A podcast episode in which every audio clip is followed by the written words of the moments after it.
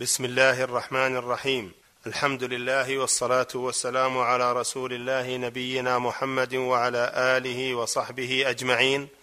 أما بعد فهذه قراءة للمصنف في السيرة النبوية المعنون بصحيح السيرة النبوية. مؤلف جامع للسيرة النبوية المشرفة مرتب حسب الوقائع والأحداث اقتصر فيه مؤلفه على الأحاديث الصحيحة. ألفه الشيخ إبراهيم العلي وقدم له الدكتور عمر الأشقر وراجعه الدكتور همام سعيد. الباب الأول. أحداث ما قبل البعثة. الفصل الأول. نسب الرسول صلى الله عليه وسلم ومكانته في قومه. قال الإمام البخاري رحمه الله هو أبو القاسم محمد بن عبد الله بن عبد المطلب بن هاشم بن عبد مناف بن قصي بن كلاب بن مرة بن كعب بن لؤي بن غالب بن فهر بن مالك بن النضر ابن كنانة بن خزيمة بن مدركة بن إلياس بن مضر بن نزار بن معد بن عدنان. وقال البغوي في شرح السنة بعد ذكر النسب إلى عدنان ولا يصح حفظ النسب فوق عدنان. وقال ابن القيم بعد ذكر النسب إلى عدنان أيضا إلى هنا معلوم الصحة متفق عليه بين النسابين ولا خلاف البتة وما فوق عدنان مختلف فيه ولا خلاف بينهم أن عدنان من ولد إسماعيل عليه السلام. وقد جاء عن ابن سعد في طبقاته الأمر عندنا الإمساك عما وراء عدنان إلى إسماعيل. وعن عروة بن الزبير أنه قال ما وجدنا من يعرف ما وراء عدنان ولا قحطان إلا تخرصا. قال الذهبي رحمه الله في كتابه السيرة النبوية وعدنان من ولد إسماعيل ابن إبراهيم عليهما السلام بإجماع الناس لكن اختلفوا فيما بين عدنان وإسماعيل من الآباء. أما عن نسبه عليه السلام في قومه فقد كان في خيرهم قبيله وكان أشرفهم أرومة كما جاء في الصحيح من حديثه عليه الصلاة والسلام أولا فعن وائلة بن الاصقع رضي الله عنه أن النبي صلى الله عليه وسلم قال إن الله عز وجل اصطفى من ولد إبراهيم إسماعيل واصطفى من بني إسماعيل كنانة واصطفى من بني كنانة قريشا واصطفى من قريش بني هاشم واصطفاني من بني هاشم. ثانيا ومن حديث أبي هريرة رضي الله عنه قال قال رسول الله صلى الله عليه وسلم بعثت من خير قرون بني آدم قرنا فقرنا حتى بعثت من القرن الذي كنت فيه. أخرجه البخاري. ثالثا ومن حديث عبد المطلب بن ربيعة بن الحارث بن عبد المطلب قال أتى أناس من الأنصار إلى النبي صلى الله عليه وسلم فقالوا إنا لنسمع من قومك حتى يقول القائل منهم إنما مثل محمد مثل نخلة نبتت في كباء والكباء الكناسة. فقال رسول الله صلى الله عليه وسلم أيها الناس من أنا؟ قالوا أنت رسول الله صلى الله عليه وسلم. قال أنا محمد بن عبد الله بن عبد المطلب. قال فما سمعناه قط ينتمي قبلها إلا أن الله عز وجل خلق خلقه فجعلني من خير خلقه ثم فرقهم فرقتين فجعلني من خير الفرقتين ثم جعلهم قبائل فجعلني من خيرهم قبيلة. ثم جعلهم بيوتا فجعلني من خيرهم بيتا وأنا خيركم بيتا وخيركم نفسا. اللفظ لأحمد وأخرجه الترمذي الرابع. ومن حديث الأشعث بن قيس رضي الله عنه قال أتيت رسول الله صلى الله عليه وسلم في وفد ولا يروني إلا أفضلهم. فقلت يا رسول الله ألستم منا؟ فقال نحن بنو النضر بن كنانة لا نقفو أمنا أي لا نتهمها ولا نقذفها لا نقفو أمنا ولا ننتفي من أبينا. فكان الأشعث يقول لا أوتى برجل نفى قريشا من النضر بن كنانة إلا جلدته الحد أخرجه ابن ماجه. الخامس ومن حديث أبي سفيان رضي الله عنه حين سأله هرقل وقال له كيف نسبه فيكم؟ قلت هو فينا ذو نسب. وقول هرقل وسألتك عن نسبه فذكرت أنه فيكم ذو نسب فكذلك الرسل تبعث في نسب قومها. أخرجه البخاري. السادس عن كليب بن وائل قال حدثتني ربيبة النبي صلى الله عليه وسلم زينب بنت أبي سلمة قال قلت لها أرأيت النبي صلى الله عليه وسلم أكان من مضر؟ قالت فممن كان إلا من مضر من بني النضر بن كنانة أخرجه البخاري. الفصل الثاني البشارة بالرسول صلى الله عليه وسلم المبحث الأول صفته في التوراة وتبشير اليهود به. السابع عن عطاء بن يسار قال لقيت عبد الله بن عمرو بن العاص رضي الله عنهما فقلت أخبرني عن صفة رسول الله صلى الله عليه وسلم في التوراة. فقال أجل والله إنه لموصوف في التوراة بصفته في القرآن. يا أيها النبي إنا أرسلناك شاهدا ومبشرا ونذيرا وحرزا للأميين انت عبدي ورسولي سميتك المتوكل ليس بفظ ولا غليظ ولا سخاب في الأسواق ولا يدفع بالسيئة السيئة ولكن يعفو ويصفح ولن يقبضه الله حتى يقيم به الملة العوجاء بأن يقولوا لا إله إلا الله ويفتح به أعينا عميا وآذانا صما وقلوبا غلفا. أخرجه البخاري.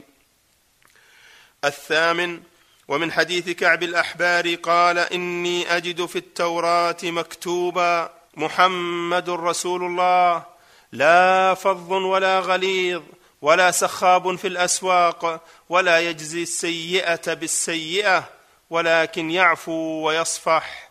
أمته الحمادون يحمدون الله في كل منزلة ويكبرونه على كل نجد يأتزرون إلى أنصافهم ويوضئون أطرافهم صفهم في الصلاة وصفهم في القتال سواء. مناديهم ينادي في جو السماء لهم في جوف الليل دوي كدوي النحل مولده بمكة ومهاجره بطابة وملكه بالشام أخرجه الدارمي. التاسع ومن حديث سلمة بن سلامة بن وقش رضي الله عنه وكان من أصحاب بدر قال كان لنا جار من يهود في بني عبد الأشهل قال فخرج علينا يوما من بيته قبل مبعث النبي صلى الله عليه وسلم بيسير فوقف على مجلس عبد الأشهل. قال سلمة وأنا يومئذ أحدث من فيه سنا علي بردة مضطجعا فيها بفناء أهلي فذكر البعث والقيامة والحساب والميزان والجنة والنار. فقال ذلك لقوم أهل شرك أصحاب أوثان لا يرون أن بعثا كائن بعد الموت. فقالوا له ويحك يا فلان ترى هذا كائنا أن الناس يبعثون بعد موتهم إلى دار فيها جنة ونار ويجزون فيها بأعمالهم؟ قال نعم والذي يحلف به ولود أن له بحظه من تلك النار أعظم تنور في الدنيا يحمونه ثم يدخلونه إياه فيطبق به عليه وأن ينجو من تلك النار غدا. قالوا له ويحك وما آية ذلك؟ قال نبي يبعث من نحو هذه البلاد وأشار بيده نحو مكة واليمن. قالوا ومتى نراه؟ قال فنظر إلي وأنا من أحدثهم سنا. فقال إن يستنفذ هذا الغلام عمره يدرك. قال سلمة فوالله ما ذهب الليل والنهار حتى بعث الله تعالى رسوله صلى الله عليه وسلم. وهو حي بين أظهرنا فآمنا به وكفر به بغيا وحسدا. فقلنا ويلك يا فلان ألست بالذي قلت لنا فيه ما قلت؟ قال بلى وليس به. أخرجه ابن هشام في السيرة. المبحث الثاني أخبار الكهان عن بعثته. العاشر من حديث عبد الله بن عمر رضي الله عنهما قال ما سمعت عمر بشيء قط يقول إني لأظنه كذا إلا كان كما يظن. بينما عمر جالس إذ مر به رجل جميل فقال عمر لقد أخطأ ظني أو إن هذا على دينه في الجاهلية أو لقد كان كاهنهم علي الرجل فدعي له فقال له ذلك فقال ما رأيتك اليوم استقبل به رجلا مسلما؟ قال فإني أعزم عليك إلا ما أخبرتني قال كنت كاهنهم في الجاهلية. قال فما أعجب ما جاءتك به جنيتك. قال بينما أنا يوما في السوق جاءتني أعرف منها الفزع فقالت ألم تر الجن وإبلاسها وبأسها من بعد إنكاسها ولحوقها بالقلاص وأحلاسها؟ قال صدق بينما أنا نائم عند آلهتهم. إذ جاء رجل بعجل فذبحه فصرخ به صارخ لم أسمع صارخا قط أشد صوتا منه يقول يا جليح أمر نجيح رجل فصيح يقول لا إله إلا الله فوثب القوم قلت لا أبرح حتى أعلم ما وراء هذا. ثم نادى يا جليح والجليح الوقح المكافح بالعداوة. يا جليح أمر نجيح رجل فصيح. يقول لا إله إلا الله فقمت فما نشبنا أن قيل هذا نبي. أخرجه البخاري الحادي عشر. ومن حديث جابر رضي الله عنه قال إن أول خبر قدم علينا عن رسول الله صلى الله عليه وسلم أن امرأة كان لها تابع قال فأتاها في صورة طير فوقع على جذع لهم قال فقالت ألا تنزل فنخبرك وتخبرنا؟ قال إنه قد خرج رجل بمكة حرم علينا الزنا ومنع منا القرار أخرجه أحمد.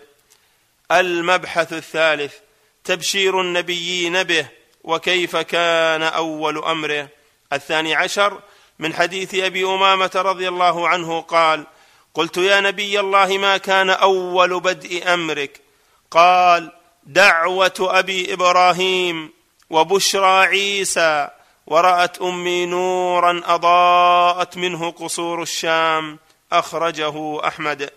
الثالث عشر ومن حديث العرباض بن سارية رضي الله عنه قال سمعت رسول الله صلى الله عليه وسلم يقول إني عند الله في أم الكتاب لخاتم النبيين وإن آدم لمجندل في طينته وسأنبئكم بتأويل ذلك دعوة أبي إبراهيم وبشارة عيسى قومه.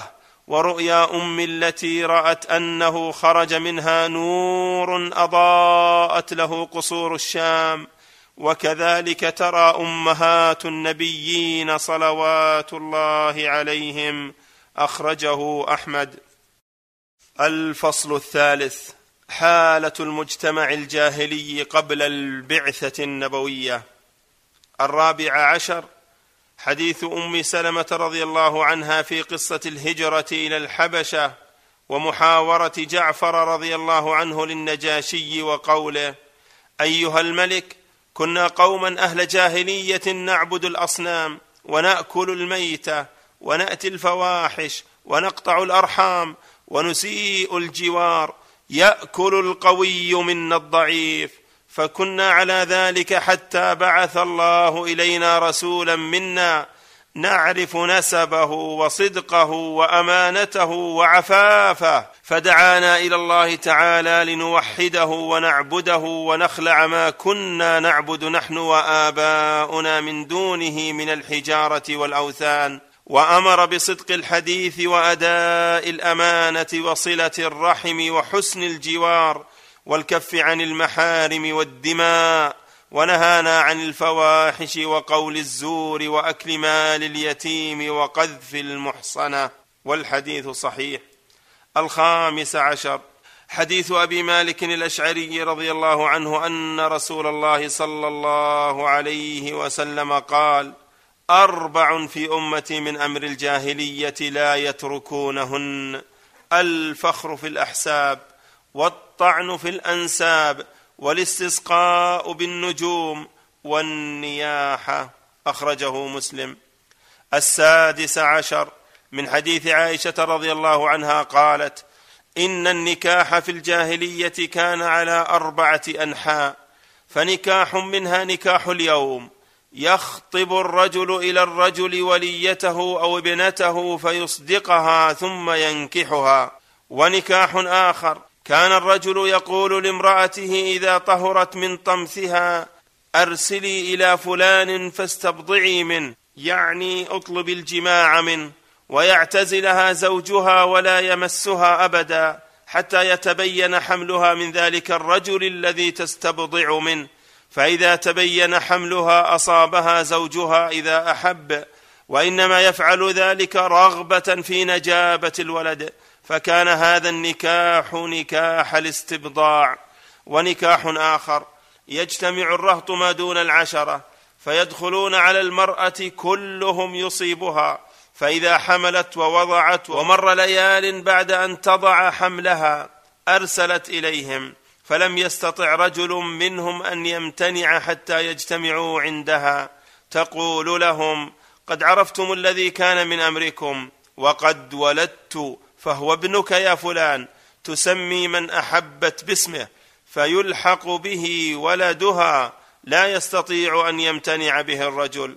والنكاح الرابع يجتمع الناس الكثير فيدخلون على المرأة لا تمنع من جاءها وهن البغايا كن ينصبن على أبوابهن رايات تكون علما. فمن أرادهن دخل عليهن فإذا حملت إحداهن ووضعت حملها جمعوا لها ودعوا لهم القافة ثم ألحقوا ولدها بالذي يرون فالتاطه به ودعي ابنه لا يمتنع من ذلك.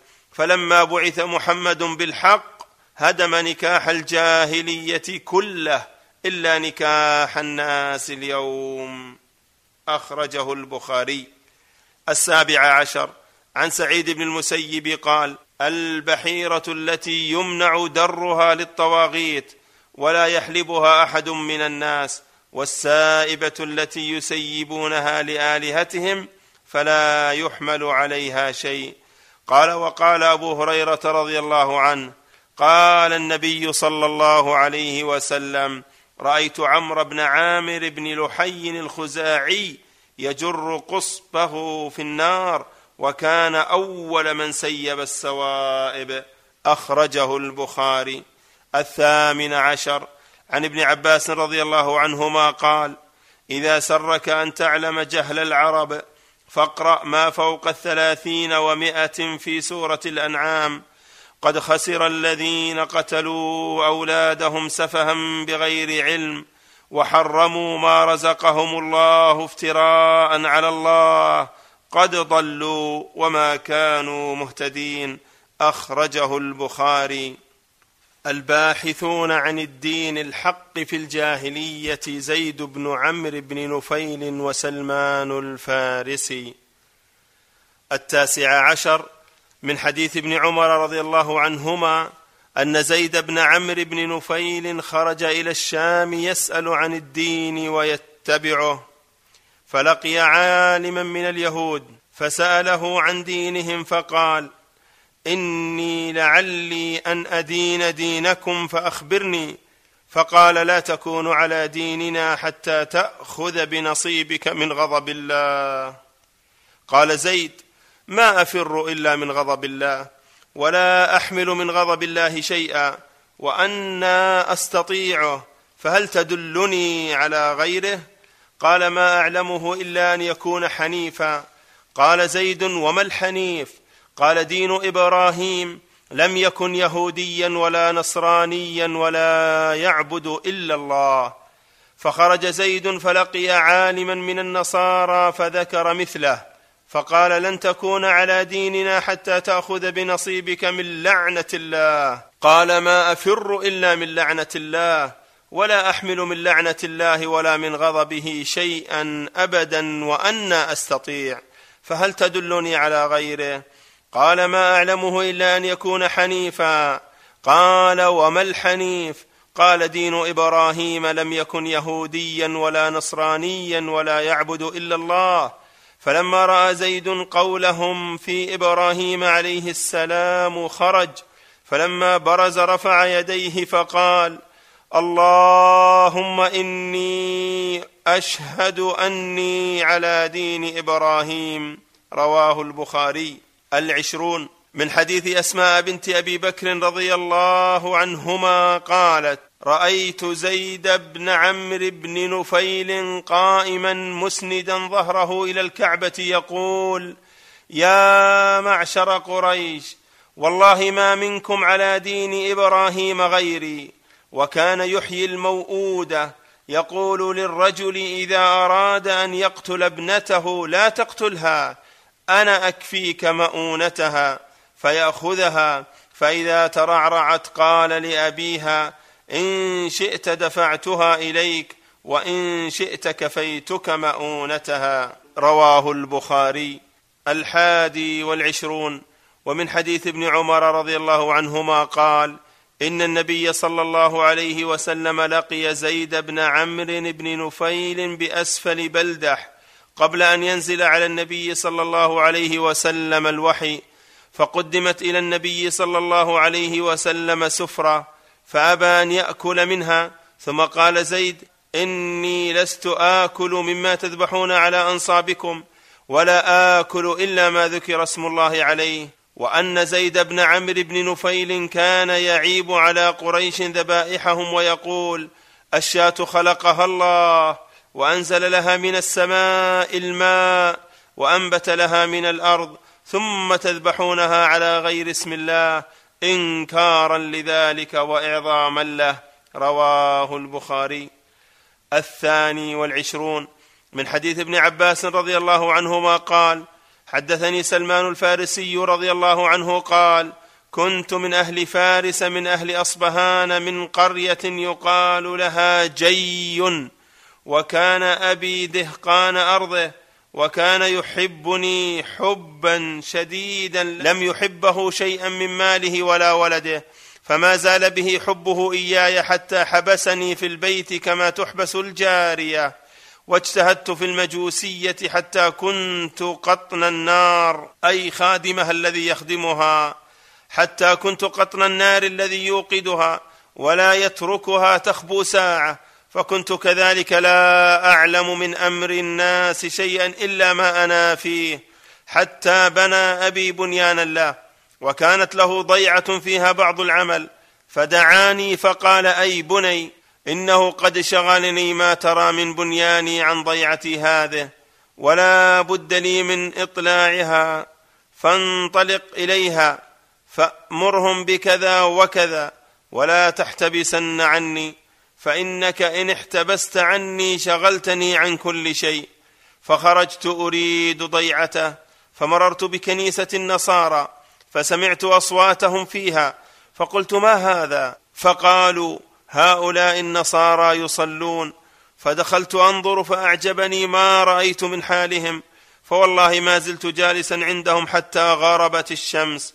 وبعث أبي في طلبي في كل وجهة حتى جئته حين أمسيت ولم أذهب إلى ضيعته. فقال أبي أين كنت؟ ألم أكن قلت لك؟ فقلت يا أبتاه مررت بناس يقال لهم النصارى فأعجبني صلواتهم ودعاؤهم فجلست أنظر كيف يفعلون. فقال أي بني دينك ودين آبائك خير من دينهم. فقلت لا والله ما هو بخير من دينهم. هؤلاء قوم يعبدون الله ويدعونه ويصلون له ونحن إنما نعبد نارا نوقدها بأيدينا. إذا تركناها ماتت فخافني فجعل في رجلي حديدا وحبسني في بيت عنده فبعثت إلى النصارى فقلت لهم أين أصل هذا الدين الذي أراكم عليه؟ فقالوا بالشام. فقلت فإذا قدم عليكم من هناك ناس فآذنوني. قالوا نفعل. فقدم عليهم ناس في تجارتهم. فبعثوا إلي أنه قد قدم علينا تجار من تجارنا. فبعثت إليهم إذا قضوا حوائجهم وأرادوا الخروج فآذنوني. فقالوا نفعل. فلما قضوا حوائجهم وأرادوا الرحيل بعثوا إلي بذلك. فطرحت الحديد الذي في رجلي ولحقت بهم. فانطلقت معهم حتى قدمت الشام. فلما قدمتها قلت من أفضل أهل هذا الدين؟ فقالوا الأسقف صاحب الكنيسة. فجئته فقلت له أحببت أن أكون معك في كنيستك وأعبد الله معك وأتعلم منك الخير. قال فكن معي. قال فكنت معه وكان رجل سوء. كان يأمرهم بالصدقة ويرغبهم فيها فإذا جمعوها إليه اكتنزها ولم يعطها المساكين. فأبغضته بغضا شديدا لما رأيت من حاله فلم ينشب أن مات. فلما جاءوا ليدفنوه قلت لهم إن هذا رجل سوء كان يأمركم بالصدقة ويرغبكم فيها حتى إذا جمعتموها إليه اكتنزها ولم يعطها المساكين. فقالوا وما علامة ذلك؟ فقلت أنا أخرج لكم كنزة. فقالوا فهاته. فأخرجت لهم سبع قلال مملوءة ذهبا وورقا. فلما رأوا ذلك قالوا والله لا يدفن أبدا. فصلبوه على خشبة ورموه بالحجارة. وجاءوا برجل آخر فجعلوه مكانه.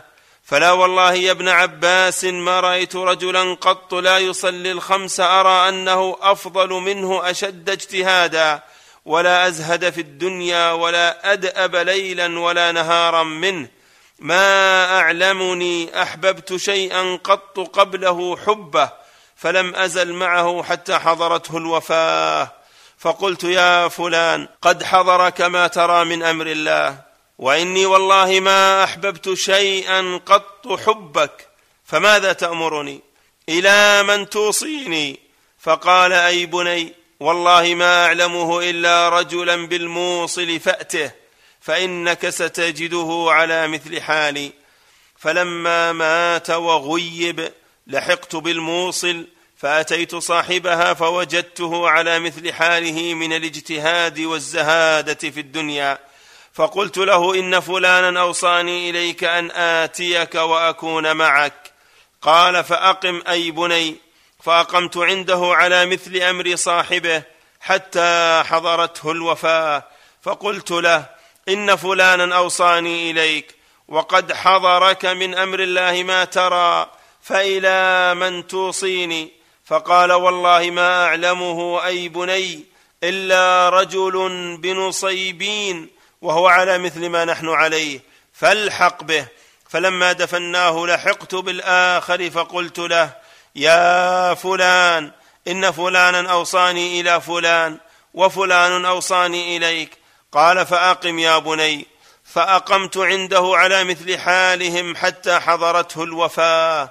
فقلت له يا فلان إنه قد حضرك من أمر الله ما ترى وقد كان فلان أوصاني إلى فلان وأوصاني فلان إلى فلان وأوصاني فلان إليك. فإلى من توصيني؟ قال لي أي بني والله ما أعلم أحدا على مثل ما نحن عليه إلا رجل بعمورية من أرض الروم. فأته فإنك ستجده على مثل ما كنا عليه. فلما واريته خرجت حتى قدمت على صاحب عمورية. فوجدته على مثل حالهم فأقمت عنده واكتسبت حتى كان لي غنيمة وبقرات. ثم حضرته الوفاة. فقلت يا فلان إن فلانا كان أوصاني إلى فلان وفلان إلى فلان وفلان إليك وقد حضر كما ترى من أمر الله تعالى فإلى من توصيني؟ قال أي بني والله ما أعلمه بقي أحد على مثل ما كنا عليه آمرك أن تأتيه. ولكنه قد أظلك زمان نبي يبعث من الحرم مهاجره بين حرتين إلى أرض سبخة ذات نخيل وإن فيه علامات لا تخفى بين كتفيه خاتم النبوة يأكل الهدية ولا يأكل الصدقة فإن استطعت أن تخلص إلى تلك البلاد فافعل فإنه قد أظلك زمانه. فلما واريناه أقمت حتى مر رجال من تجار العرب من كلب فقلت لهم تحملوني معكم حتى تقدموا بأرض العرب وأعطيكم غنيمتي هذه وبقراتي. قالوا نعم. فأعطيتهم إياها وحملوني. حتى إذا جاءوا بي وادي القرى ظلموني فباعوني عبدا من رجل من يهود بوادي القرى فوالله لقد رأيت النخل وطمعت أن تكون البلد الذي نعت لي صاحبي وما حقت عندي حتى قدم رجل من بني قريظة من يهود وادي القرى فابتاعني من صاحب الذي كنت عنده. فخرج بي حتى قدم المدينة فوالله ما هو إلا أن رأيتها فعرفت نعته فأقمت في رق مع صاحبي وبعث الله رسوله صلى الله عليه وسلم بمكة. لا يذكر لي شيئا من أمره مع ما أنا فيه من الرق حتى قدم رسول الله صلى الله عليه وسلم قباء وأنا أعمل لصاحبي في نخلة الله. فوالله إني لفيها إذ جاء ابن عم له فقال يا فلان قاتل الله بني قيلة ووالله إنهم الآن لفي قباء مجتمعون على رجل من مكة يزعمون أنه نبي فوالله ما هو إلا أن سمعتها فأخذتني العرورا. يقول الرعده حتى ظننت لأسقطن على صاحبي ونزلت أقول ما هذا الخبر؟ ما هو؟ فرفع مولاي يده فلكمني لكمة شديدة وقال ما لك ولهذا؟ أقبل قبل عملك. فقلت لا شيء إنما سمعت خبرا فأحببت أن أعلمه. فلما أمسيت وكان عندي شيء من طعام فحملته وذهبت به إلى رسول الله صلى الله عليه وسلم وهو بقباء. فقلت إنه قد بلغني أنك رجل صالح وأن معك أصحابا لك غرباء وقد كان عندي شيء للصدقة فرأيتكم أحق من بهذه البلاد به فها هو ذا فكل منه. فأمسك رسول الله صلى الله عليه وسلم بيده وقال لأصحابه كلوا ولم يأكل.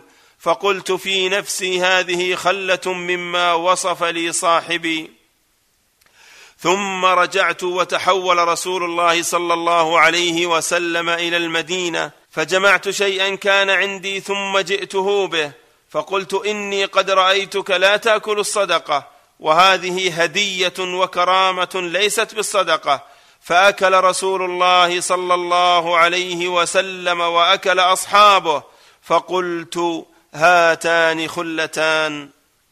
ثم جئت رسول الله صلى الله عليه وسلم وهو يتبع جنازة وعلي شملتان لي وهو في أصحابه فاستدرت به فاستدرت به لأنظر إلى الخاتم في ظهره.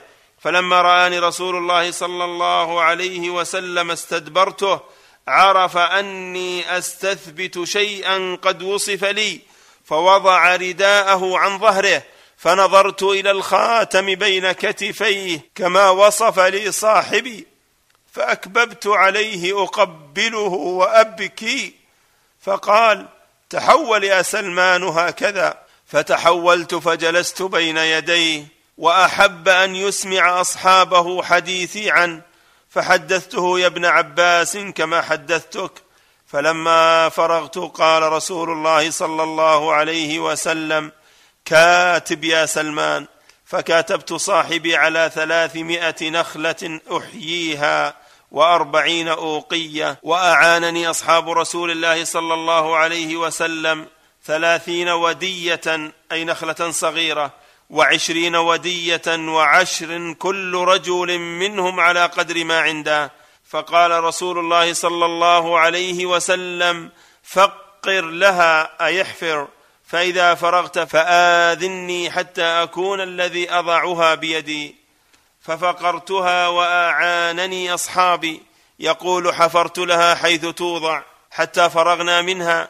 ثم جئت رسول الله صلى الله عليه وسلم فقلت يا رسول الله قد فرغنا منها. فخرج معي حتى جاءها. وكنا نحمل إليه الودي ويضعه بيده ويسوي عليها. فوالذي بعثه بالحق ما ماتت منها ودية واحدة وبقيت علي الدراهم فأتاه رجل من بعض المعادن بمثل البيضة من الذهب فقال رسول الله صلى الله عليه وسلم أين الفارسي المسلم المكاتب؟ فدعيت له فقال خذ هذه يا سلمان فأدها مما عليك. فقلت يا رسول الله وأين تقع هذه مما علي؟ قال فإن الله تعالى سيؤدي بها عنك فوالذي نفس سلمان بيده لوزنت لهم منها أربعين أوقية فأديتها إليهم وعتق سلمان وكان الرق قد حبسني حتى فاتني مع رسول الله صلى الله عليه وسلم بدر وأحد ثم عتقت فشهدت الخندق ثم لم يفتني معه مشهد. أخرجه أحمد. الفصل الرابع قصة حفر زمزم. الثالث والعشرون من حديث علي بن أبي طالب رضي الله عنه قال قال عبد المطلب إني لنائم في الحجر إذ أتاني آت فقال لي احفر طيبة. قلت وما طيبة؟ قال ثم ذهب عني. قال فلما كان الغد رجعت إلى مضجعي فنمت فيه فجاءني فقال احفر برة قال قلت وما برة قال ثم ذهب عني وبرة مشتقة من البر وهو الخير والطهارة فلما كان الغد رجعت إلى مضجعي فنمت فيه فجاءني فقال احفر المضنونه وهي الغالية النفيسة قال قلت وما المضنونه قال ثم ذهب عني. فلما كان الغد رجعت إلى مضجعي فنمت فيه فجاءني فقال احفر زمزم. قال قلت وما زمزم؟ قال لا تنزف أبدا ولا تذم. تسقي الحجيج الأعظم وهي من بين الفرث والدم عند نقرة الغراب الأعصم عند قرية النمل. قال فلما بين شأنها ودل على موضعها وعرف أنه قد صدق غدا بمعوله ومعه ابنه الحارث بن عبد المطلب وليس معه يومئذ ولد غيره فحفر فيها. فلما بدا لعبد المطلب الطي كبر فعرفت قريش أنه قد أدرك حاجته. فقاموا إليه فقالوا يا عبد المطلب إنها بئر أبينا إسماعيل وإن لنا فيها حقا فأشركنا معك فيها. قال ما أنا بفاعل إن هذا الأمر قد خصصت به دونكم وأعطيته من بينكم. قالوا له فأنصفنا فإنا غير تاركيك حتى نخاصمك فيها. قال فاجعلوا بيني وبينكم من شئتم أحاكمكم إليه. قالوا كاهنة بني سعد بن هذيم.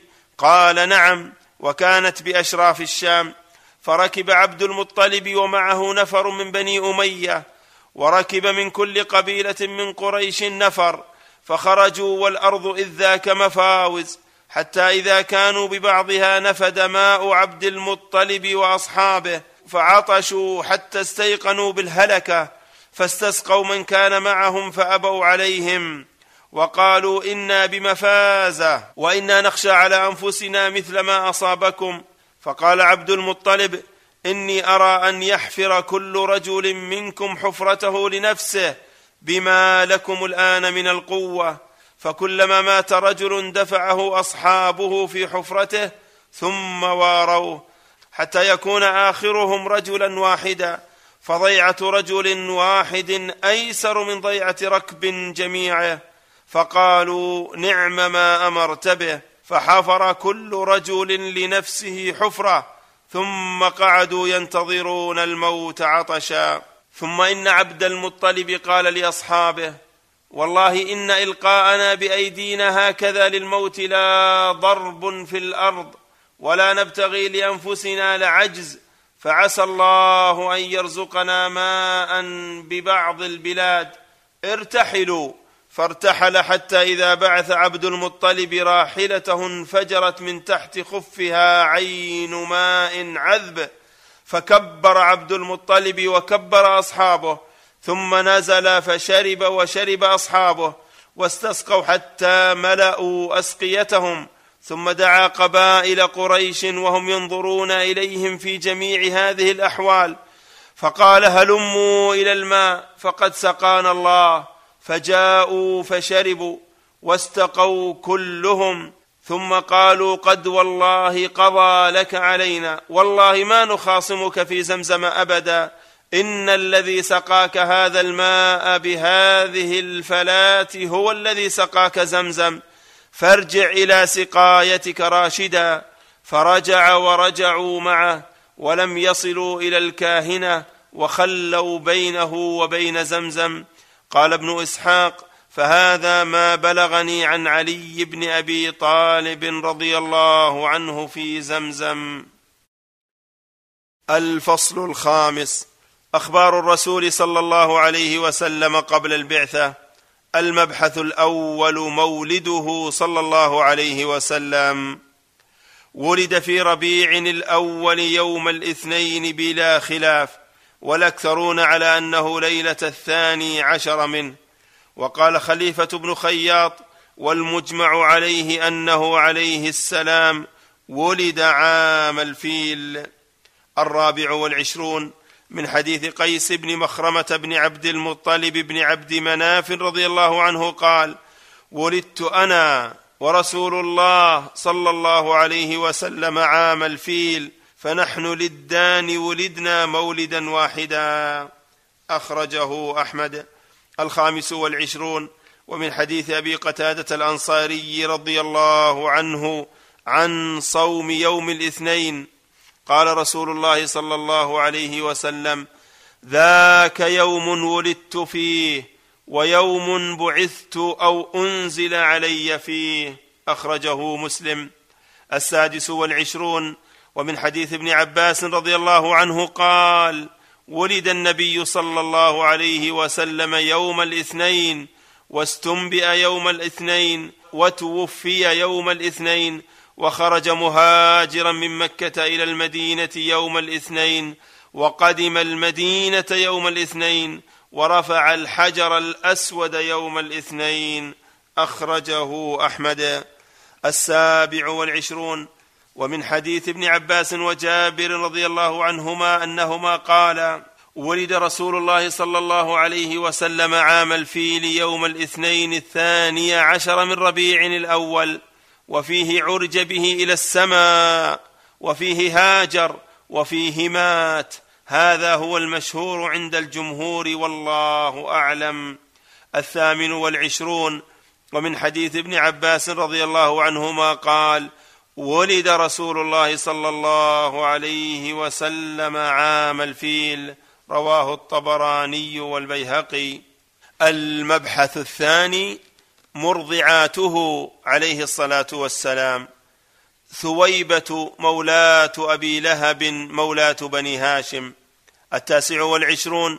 من حديث زينب بنت أبي سلمة أن أم حبيبة رضي الله عنها أخبرتها أنها قالت يا رسول الله انكح أختي بنت أبي سفيان فقال أو تحبين ذلك؟ فقالت نعم لست لك بمخلية وأحب من شاركني في خير أختي.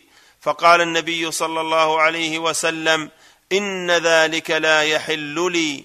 قلت فإنا نحدث أنك تريد أن تنكح بنت أبي سلمة. قال بنت أم سلمة؟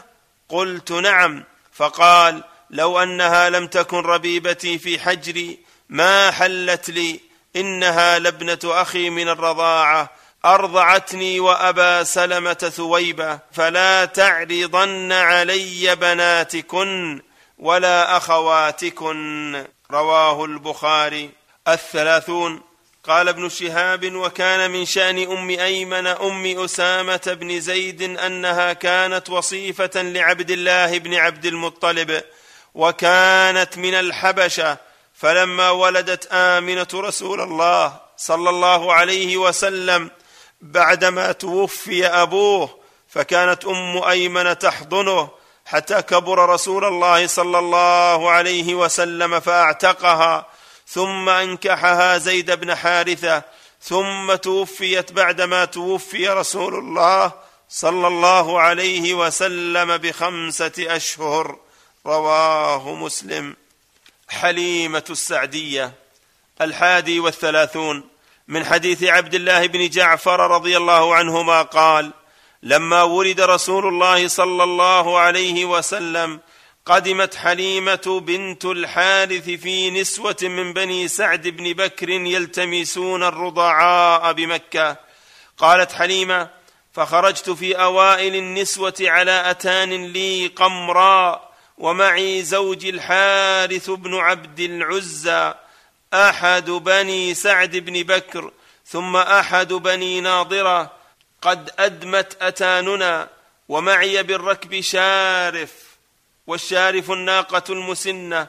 والله ما تبض بقطرة لبن أي لا ترشح قطرة لبن.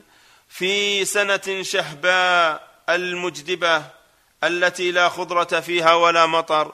قد جاع الناس حتى خلص إليهم الجهد ومعي ابن لي والله ما ينام ليلنا وما أجد في يدي شيئا أعلله به إلا أنا نرجو الغيث وكانت لنا غنم فنحن نرجوها.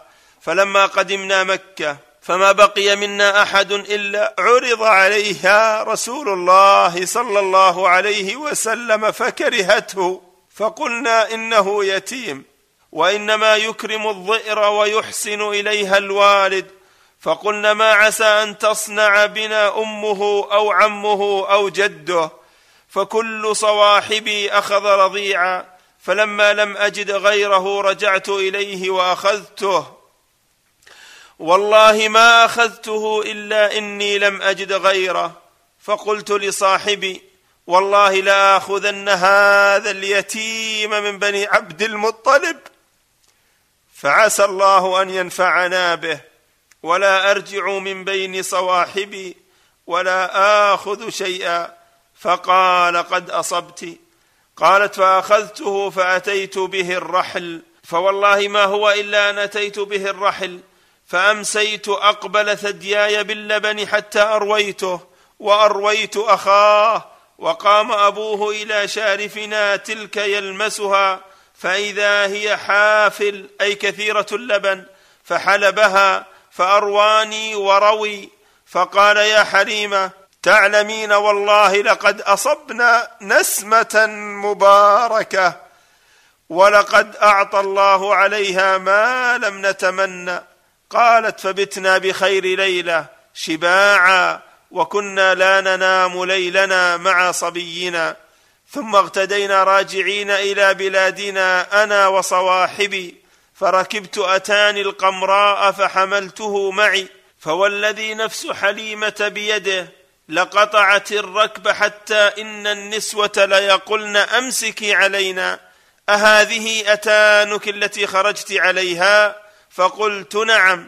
فقالوا إنها كانت أدمت حين أقبلنا فما شأنها؟ قالت فقلت والله حملت عليها غلاما مباركا. قالت فخرجنا فما زال يزيدنا الله في كل يوم خيرا.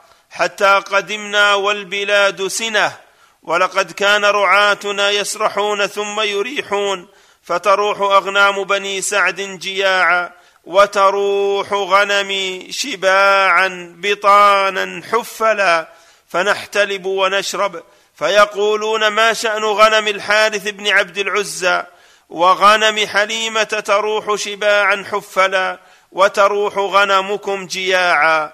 ويلكم اسرحوا حيث تسرح غنم رعاؤهم فيسرحون معهم فما تروح إلا جياعا. كما كانت وترجع غنمي كما كانت. قالت وكان يشب شبابا ما يشبه أحد من الغلمان. يشب في اليوم شباب الغلام في الشهر ويشب في الشهر شباب السنة. فلما استكمل سنتين أقدمناه مكة أنا وأبوه فقلنا والله لا نفارقه ابدا ونحن نستطيع. فلما أتينا أمه قلنا أي ضئر.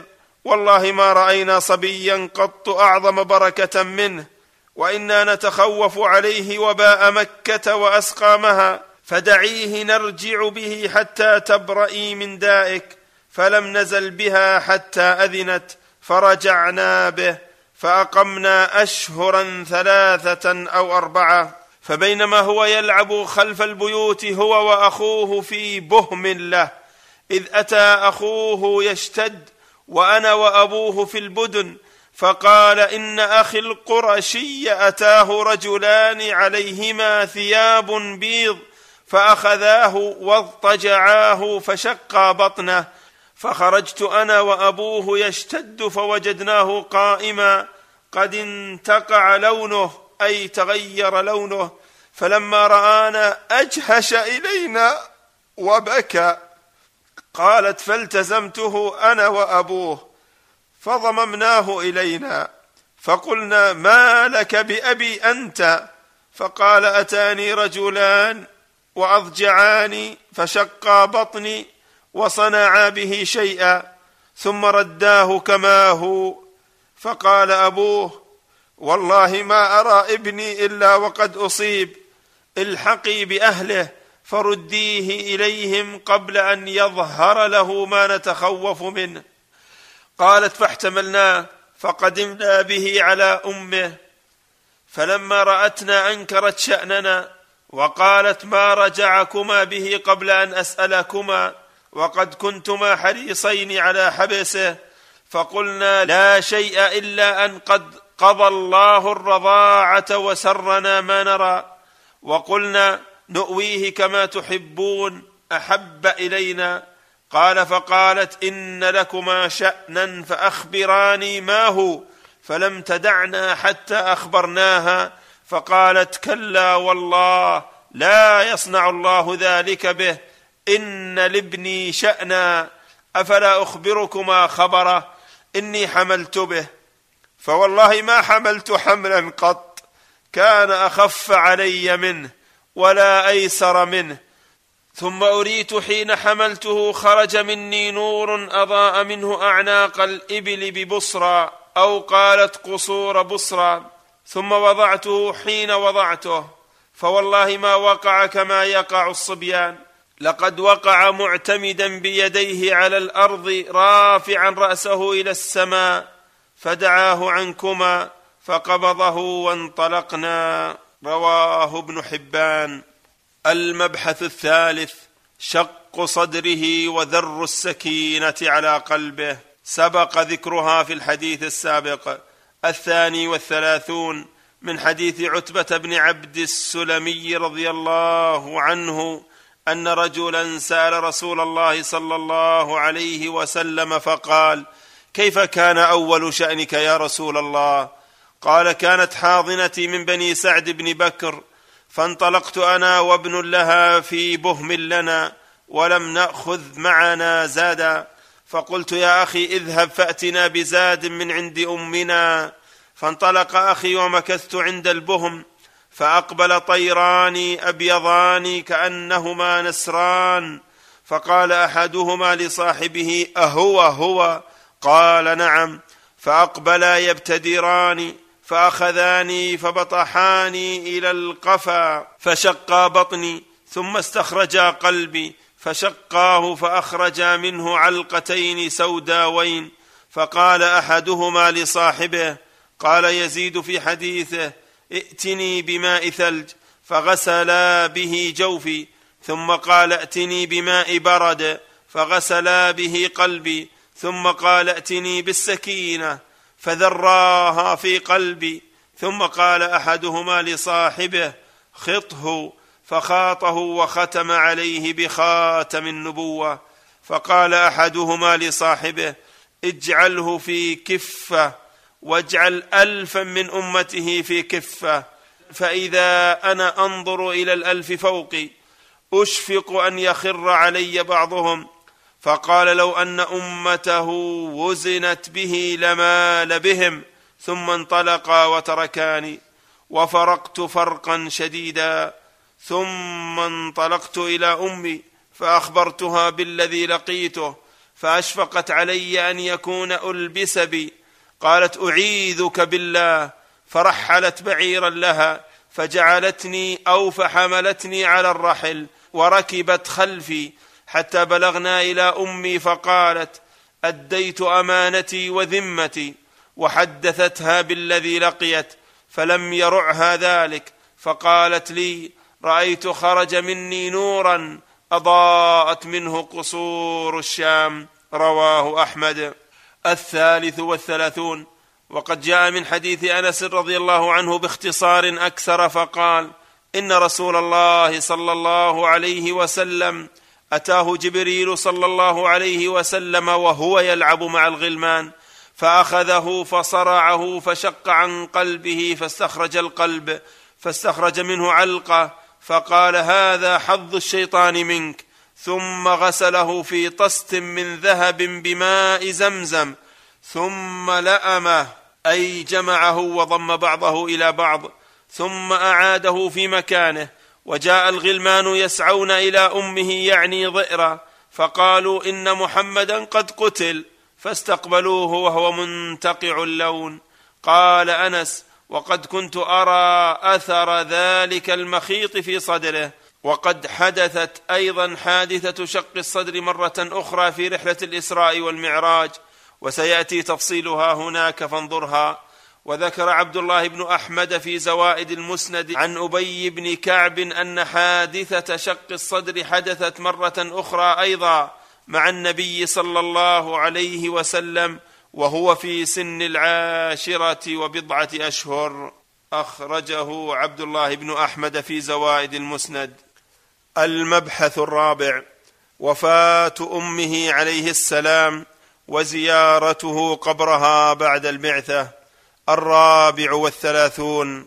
قال ابن إسحاق حدثني عبد الله بن أبي بكر بن محمد بن عمرو بن حزم أن أم رسول الله صلى الله عليه وسلم توفيت وهو ابن ست سنين بالأبواء بين مكة والمدينة.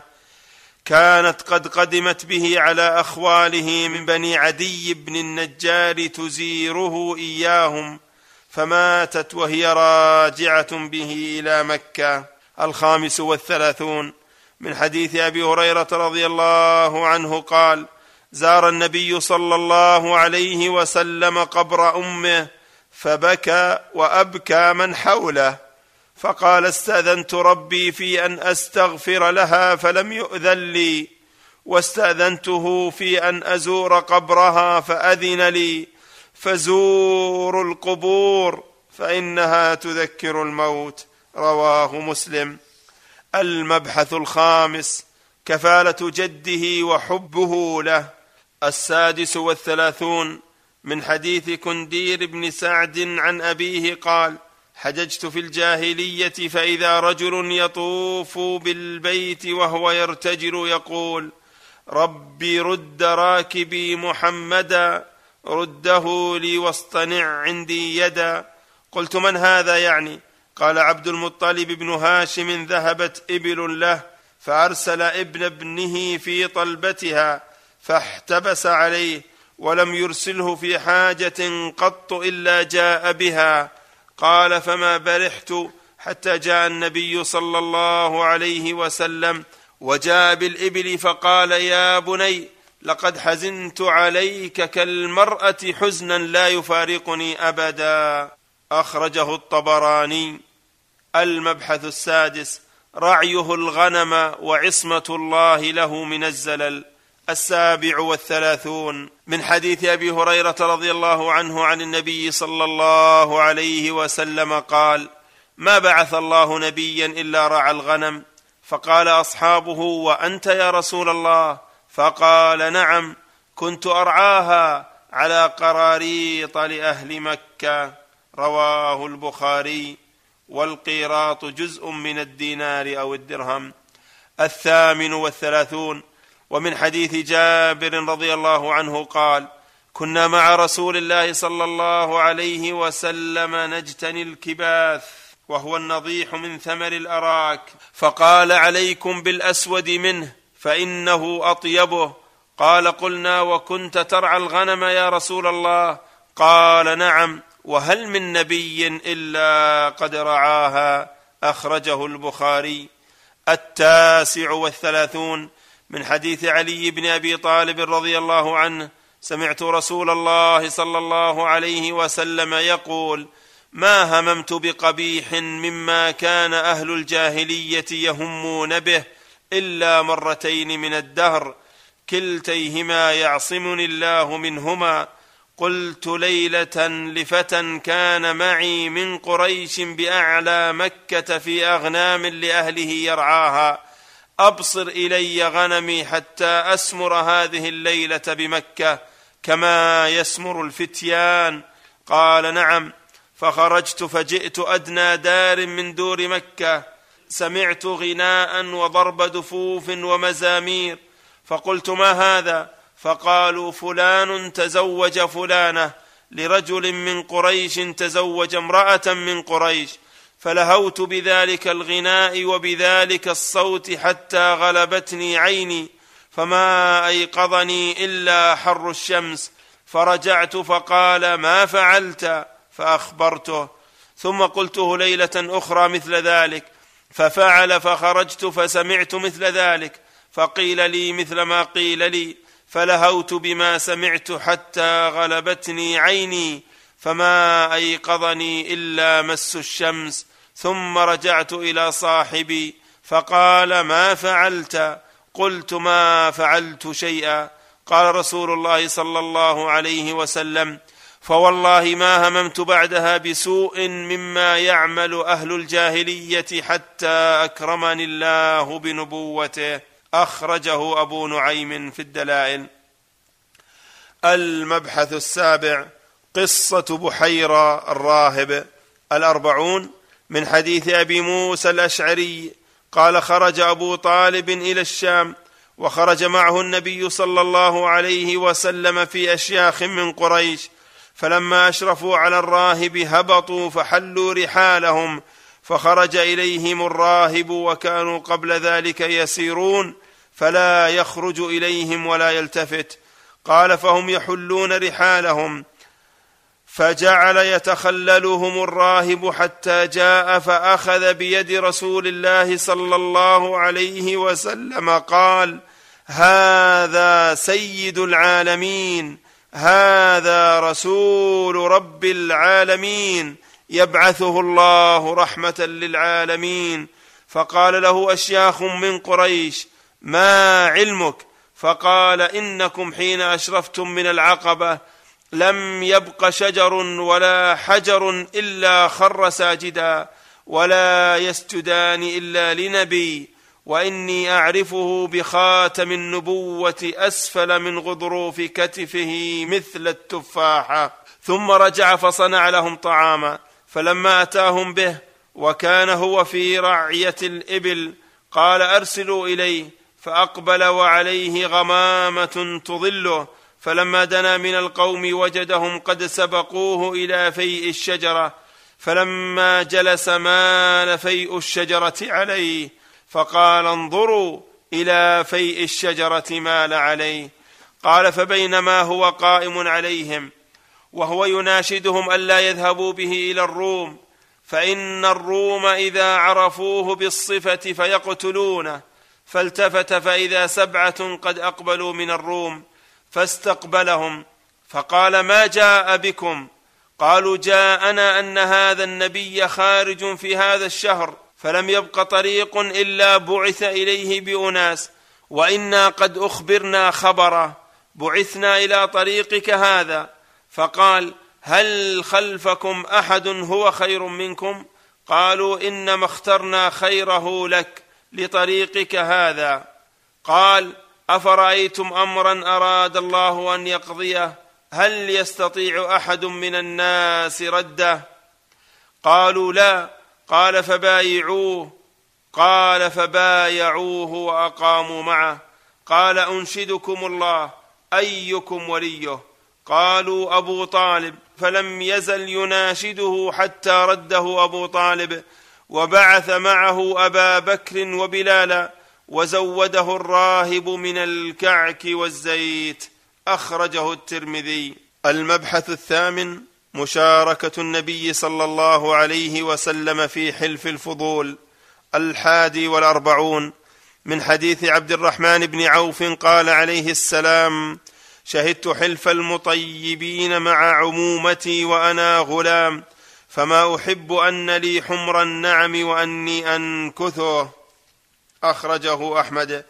وحلف الفضول هو كما قال محمد بن إسحاق. وتداعت قبائل من قريش إلى حلف فاجتمعوا له في دار عبد الله بن جدعان لشرفه وسنه. وكان حلفهم عنده بنو هاشم وبنو عبد المطلب وبنو أسد بن عبد العزى وزهرة بن كلاب وتيم بن مرة. فتعاهدوا وتعاقدوا على الا يجدوا مظلوما من أهلها وغيرهم ممن دخلها من سائر الناس إلا كانوا معه وكانوا على من ظلمه حتى يردوا عليه مظلمته فسمت قريش ذلك الحلف حلف الفضول. المبحث التاسع زواجه من خديجة وبيان عظم منزلتها. الثاني والأربعون من حديث ابن عباس رضي الله عنهما أن رسول الله صلى الله عليه وسلم ذكر خديجة وكان أبوها يرغب عن أن يزوجه فصنعت طعاما وشرابا فدعت أباها وزمرا من قريش فطعموا وشربوا حتى ثملوا. فقالت خديجة لأبيها إن محمد بن عبد الله يخطبني فزوجني إياه فزوجها إياه. فخلقته أي طيبته وألبسته حلة وكذلك كانوا يفعلون بالآباء. فلما سري عنه سكره نظر فإذا هو مخلق وعليه حلة فقال ما شأني؟ ما هذا؟ فقالت زوجتني محمد بن عبد الله. قال أزوج يتيم أبي طالب؟ لا لعمري. فقالت خديجة أما تستحي؟ تريد أن تسفه نفسك عند قريش تخبر الناس أنك كنت سكران فلم تزل به حتى رضي أخرجه أحمد. الثالث والأربعون ويؤيده ما جاء من حديث جابر بن سمرة رضي الله عنه بنحو اللفظ السابق ببعض زيادة. وهذا يرد ما جاء عن المؤملي أن الذي زوج خديجة هو عمها عمرو بن أسد لأن المؤملي متروك لا يعتد بكلامه. الرابع والأربعون وعن الزهري قال لم يتزوج رسول الله صلى الله عليه وسلم على خديجة حتى ماتت. الخامس والأربعون وعن ابن عباس رضي الله عنهما قال خط رسول الله صلى الله عليه وسلم في الأرض أربعة خطوط. فقال أتدرون ما هذا؟ فقالوا الله ورسوله أعلم. فقال رسول الله صلى الله عليه وسلم أفضل نساء أهل الجنة خديجة بنت خويلد وفاطمة ابنة محمد صلى الله عليه وسلم ومريم ابنة عمران وآسية ابنة مزاحم امرأة فرعون. أخرجه أحمد. السادس والأربعون. ومن حديث علي بن أبي طالب رضي الله عنه قال عليه السلام خير نسائها مريم وخير نسائها خديجة. رواه البخاري. السابع والأربعون. ومن حديث أبي هريرة رضي الله عنه قال أتى جبريل عليه السلام النبي فقال يا رسول الله هذه خديجة. قد أتت معها إناء فيه إدام وطعام أو شراب فإذا هي أتتك فاقرأ عليها السلام من ربها ومني وبشرها ببيت في الجنة من قصب لا صخب فيه ولا نصب.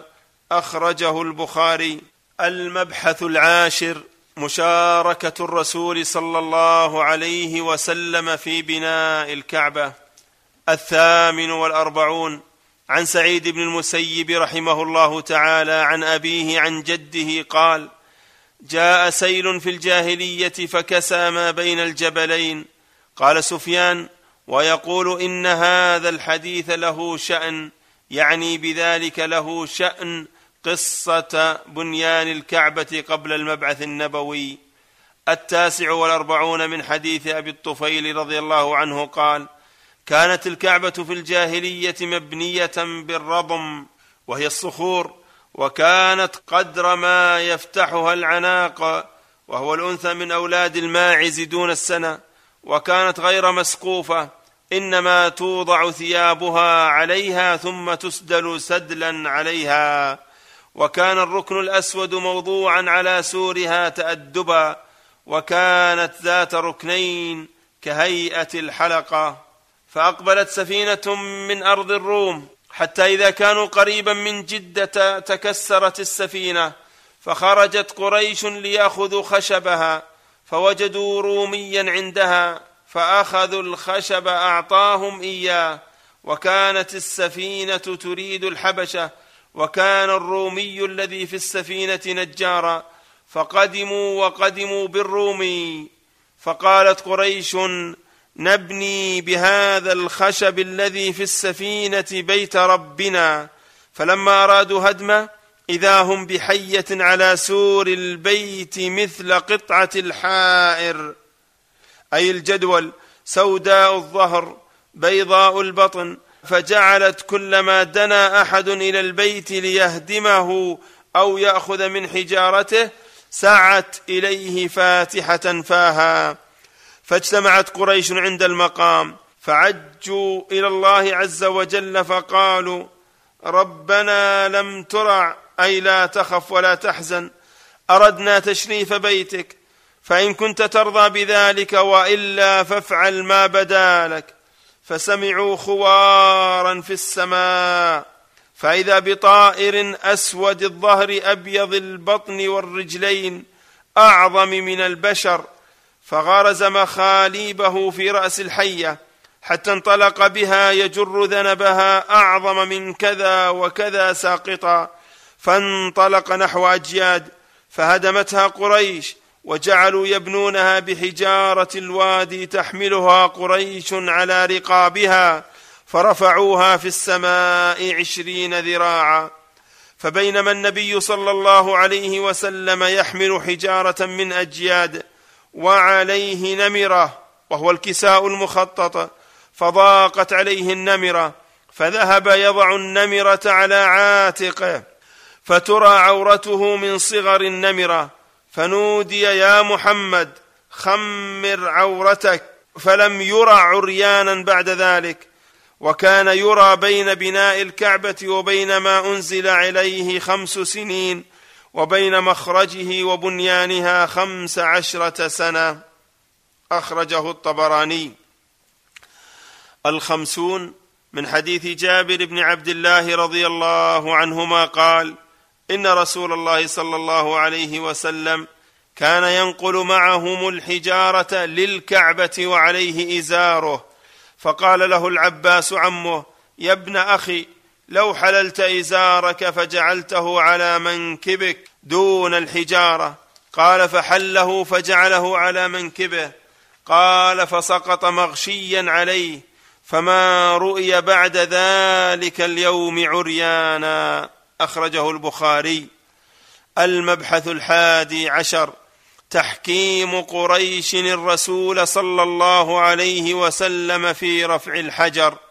الحادي والخمسون. من حديث علي قال لما أرادوا أن يرفعوا الحجر يعني قريشا اختصموا فيه فقالوا يحكم بيننا أول رجل يخرج من هذه السكة. قال وكان رسول الله صلى الله عليه وسلم أول من خرج عليهم فجعلوه في مرط أي ثوب ثم رفعه جميع القبائل كلها.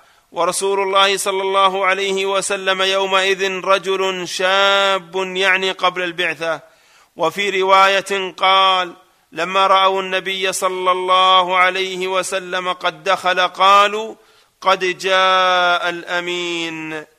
المبحث الثاني عشر. تسليم الحجر عليه قبل النبوة. الثاني والخمسون. من حديث جابر بن سمرة قال قال رسول الله صلى الله عليه وسلم إني لأعرف حجرا بمكة كان يسلم علي قبل أن أبعث. إني لأعرفه الآن. رواه مسلم.